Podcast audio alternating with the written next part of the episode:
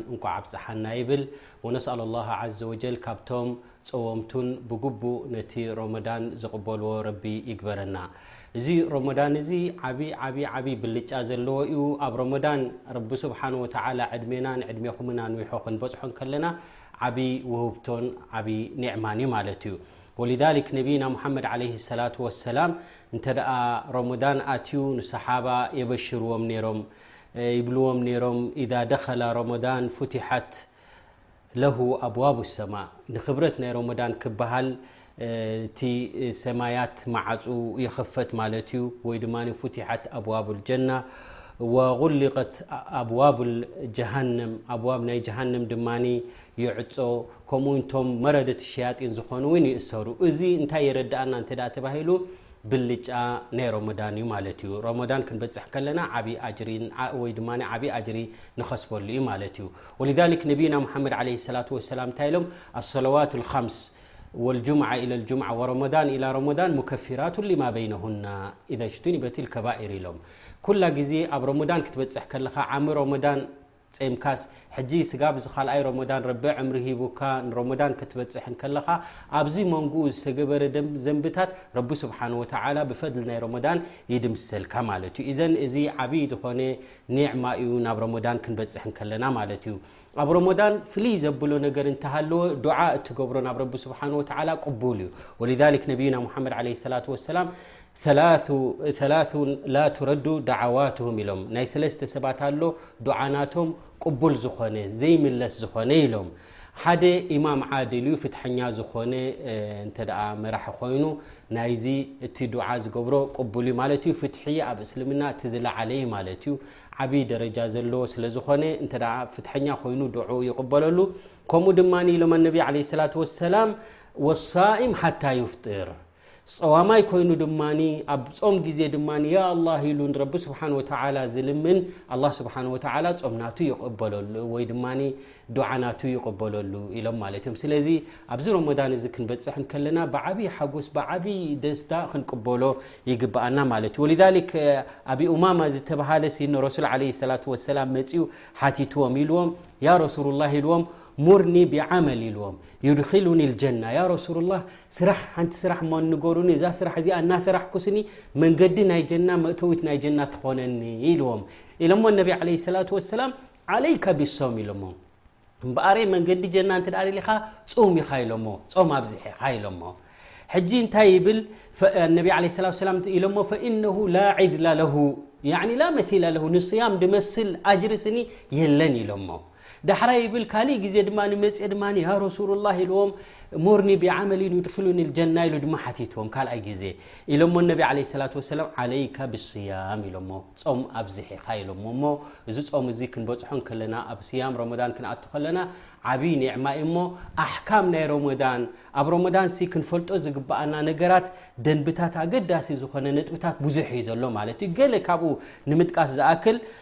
ከምቲ ፍሉጥ ወርሒ ሮመዳን ምእታዊ ዝረጋገፀሉ ናይ ሮመዳን ሓዳሽ ወርሒ ምስ ትወፅእ ወይ ድማ ናይ ሻዕባን ሰላ0 መዓልቲ ምስ ኣኸለ ሽዑ እቲ ሮመዳን ዝእወጀሉን ወይ ድማ ሮመዳን ዝኣኽለሉን ማለት እዩ ንምሉእ ሮመዳን ኣብ ፈለማ ናይ ሮመዳን ሓደ ንያ ምግባር ይኣክል እዩ ማለት እዩ እንተኾነ ግን ኣብ መንጎ እንተ ማለት ኣፍጢርካ ነርካ ብመገሻ ይኹን ብሕማም ይኹን መሊስካ ካልኣይ ንያ ክትገብር ኣለካ ኣብቲ ኣወል ሮመዳን ላኪን ኣነ ካላስ ኣልሓምዱላ እንኳ ደ ኣብዚ ሮመዳን ዝበፃሕኩ እምበር ሮመዳንይ ክፀውም እየ ኢልካ እንተ ሃቂንካ ንያ እንተ ጌርካ እዚ ብቑዕ ማለት እዩ ኢላ እንተ ኣቋሪፅካዮ ነርካ ግን ንመሊስካ ሓድሽ ንያ የድልካ ማለት እዩ ፆም ንክፀውም ዘይክእል ዕብት ዘለዎ ሰብ እተ ኮይኑ ክሓዊ ውን ተስፋ ዘይብሉ እተ ኮይኑ ድማ እንተ ክእለት ሃልዎ ኮይኑ መዓልቲ ንመዓልቲ ነፍሰ ከፍ መዓልቲ እንታይ ይገብር ማለት እዩ ንሓደ ምስኪን ተብልዕ ማለት እዩ እዚ ድማ እተ ንክሓዊ ተስፋ ዘይብሉ ኮይኑ ማለት እዩ ሰላት ዘይሰግድ ሰብ ጾም ናቱ ቅቡል ኣይኮነን ምክንያቱ ነቢ ለ ሰላት ወሰላም ኣልዓህዱ ለذ በይነና ወበይነሁም ኣሰላት ኢሎም እተ ሰላት ገዲፉ ሰብ ዕድል ናይ እስልምና እውን የብሉን እሞ ኣንታ ኣብ ሰላትካ ሸለል ትብል ዝኾንካ ናብ ሰላትካ ሃየ ክትነፍዕን ወይ ድማ ክተግህን እዩ ዘለካ ማለት እዩ ከምኡ ካብቲ ኣገዳሲ ነጥብታት ክንግደሰሉ ዘለና ማለት እዩ እንተ እቲ ዝእዝን ሰብ ጥንቁቕ ወቕቲ ሓልዩ ዝእዝን እንተ ኮይኑ ኣላሁ ኣክበር ኢሉ ክእዝን እንከሎ ኩሉ ዝብላዕን ዝስተን ካብ ኩሉ ንጾም ዘፍርስን ክንቁጠብ ኣለና ማለት እዩ ከምኡ ውን ጡፍጣፍ ምውሓጥ ጸገም የብሉን ዓኽታ እንተ ኮይኑ ግን ንኸተውፅኦ ፀገም ስለ ዘይብሉ ኣብ ጎረረኻ ከይበፅሐ ከሎ እተ ኮይኑ ከተውፅኦ ኣለካ ማለት እዩ ካብ ፅዋማይ ዝወፅእ ደም በፍንጫ ዝኣመሰለ ወላ ሓንቲ ፀገም የብሉን ማለት እዩ ካብ ደቂ ኣንስትዮ እውን ናይ ወርሓዊ ፅግያት ወይ ድማ ወርሓዊ ደም እንተ ኮይኑ እዩ እቲ ስያም ዘባላሹ ደኣ እበሪ ወይ ድማ ካብ ፆማ ተቋርፁ ደኣ እበሪ ካሊእ ዓይነት እንተ ኮይኑ ወይ ድማ ናይ ሕርሲ እንተ ኮይኑ እውን ንፆማ ኣቋሪፃ ምስ ነቐፀላ ደማ ክትቅጽል እዩ ደለዋ በፍንጫኻ እንተ ወፂኡካ ወይ እውን ማሕጎማ ብማሕጎማዊ ደም እንተ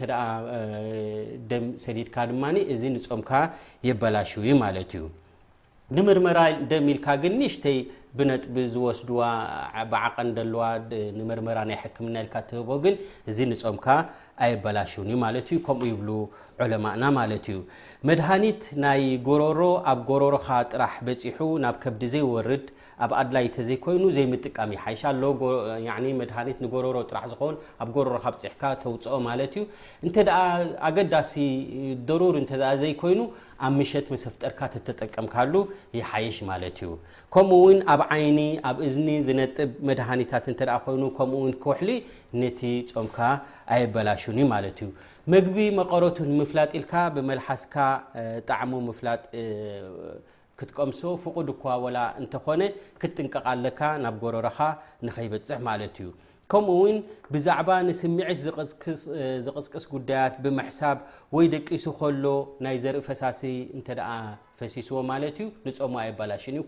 ኮነ ኢሉ ግን እናተፈለጦ እተ ኮይኑ ግን እዚ ንፆም የበላሽ እዩ ማለት እዩ ብምርሳዕ ሓደ ሰብ እንተ በሊዑ ሰት እዩ እሞ እናበልዐ ከሎ ወይ ኣብ ኣፉ እንከሎ እውን እንተ ዘኪርዎ ኣብዚ ግዜ እዚ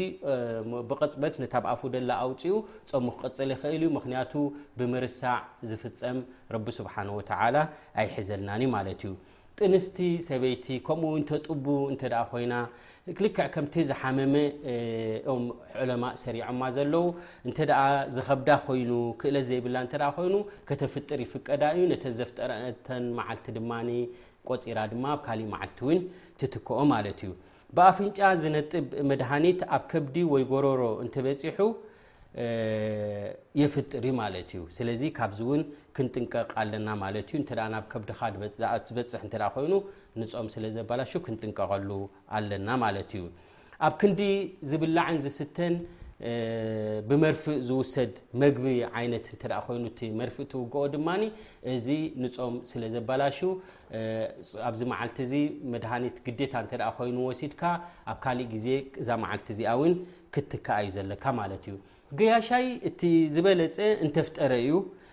እንተ ጾሞ ግን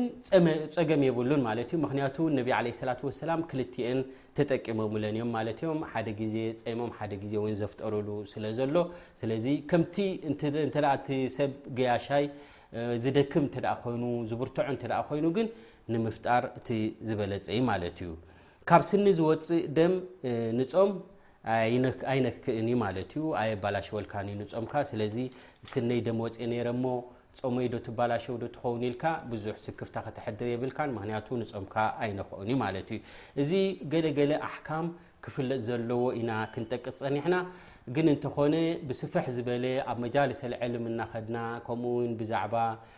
ንሮሞዳን ዝምልከት ዝተፅሓፉ ፅሑፋት ፋንፍለይት ይኹን ከምኡውን መፅሓፍቲ ስለ ዘሎ ንዑ እንዳንበብና ድማ ዝያዳ ፍልጠትና ከነዐቢ ይግበኣና ማለት እዩ። ከምኡ እውን ገለ ጸወምቲ ዝፍጽምዎም ጌጋታት ወይ ድማ ንኣጅርኻ ዘጉድሉ ክንሕብር እንተ ኮይኑ ንሮሞዳን ሙሉ ሓደ ንያ ወላ እኳ እኹል ተኾነ እንተ ኣብ ኩሉ ነፍሲ ወከፍ ለይቲ እውን እተ ጌርካዮ ትዝበለጸ እዩ ማለት እዩ ዝያዳ ኣጅርኻ ይበዝሓልካ ማለት እዩ። ኣብ ዝበዝሕ ሰብ ኣብ ዝብላዕን ዝስተን ዓቐን ዘይብሉ ገይሩ ኣብ ሮሞዳን ክበልዕ ትሪኦ ማለት እዩ እዚ እውን ነቲ ኣጅርካ ዘጉድል እዩ ካብ ሮሞዳን እቲ ዝድለይ እንታይ ማለት እዩ ፋይድኡ ጥሜት እዩ ማለት እዩ ንሱ እዩ ከዓ ናብ ተቕዋ ከብፅሓካ ዝኽእል ማለት እዩ ካብ ሰላት ናይ ጀማዓ ምስጋድ ሸለል ምባል እውን ኣብ ሓደ ሓደ ፀወምቲ ይረኣይ ማለት እዩ እዚ ድማ ብፍላይ ኣብ ዝሁር ናብ ዓስርን ከም ድኻም ምክንያት ገይሩ ይድቂ ሰብ እዚ ድማ ካብ ብዙሕ ኣጅርካ ዘጉድል እዩ ማለት እዩ ሰላት ተራዊሕ ምስጋድ ልክዕ ከም ምሉእ ለይቲ ከም ዝሰገድካ ከም ዝቁፅር ኣብ ሸሪዓ ዝመፅእ ብዙሕ መርትዖታት ኣሎ ነዚ እናተገለፀ እንከሎ ኣብ ካብ ሰላት ተራዊሕ ምትራፍ ድማ እዚ ሓደ ካብቲ ኣጅሪ ብዙሕ ዘምልጠካ ስለ ዝኾነ ናብ ሰላት ተራዊሕ ክንጎይ ኣለና ማለት እዩ እተን ዓሰርተ ናይ መጨረሽታ ለይትታት ሮሞዳን ዝበለጻ ክንሰን ኣብ መብዛሕትኡ ዝረአ ግን ኣብ ፈለማ ሮሞዳን ብብዝሒ ክጾም ማለት ክጓዩ ናብ ሰላት ናብ ዒባዳ ከምኡ ድማ ናብ መቕራእ ትርኢ ኣብተን ዓሰርተ ኣዋክር ድማ ክሰንፉን ክደኽሙን ትርኢ እቲ ክኸውን ዝግብኦ ኣብቲ መጨረሻ እውን ካብቲ ቀዳማይ ብዝያዳ ፃዕሪ ናይ ዒባዳ ከተብዝሕ እዩ ዘለካ ማለት እዩ መጨረሻ ሮሞዳን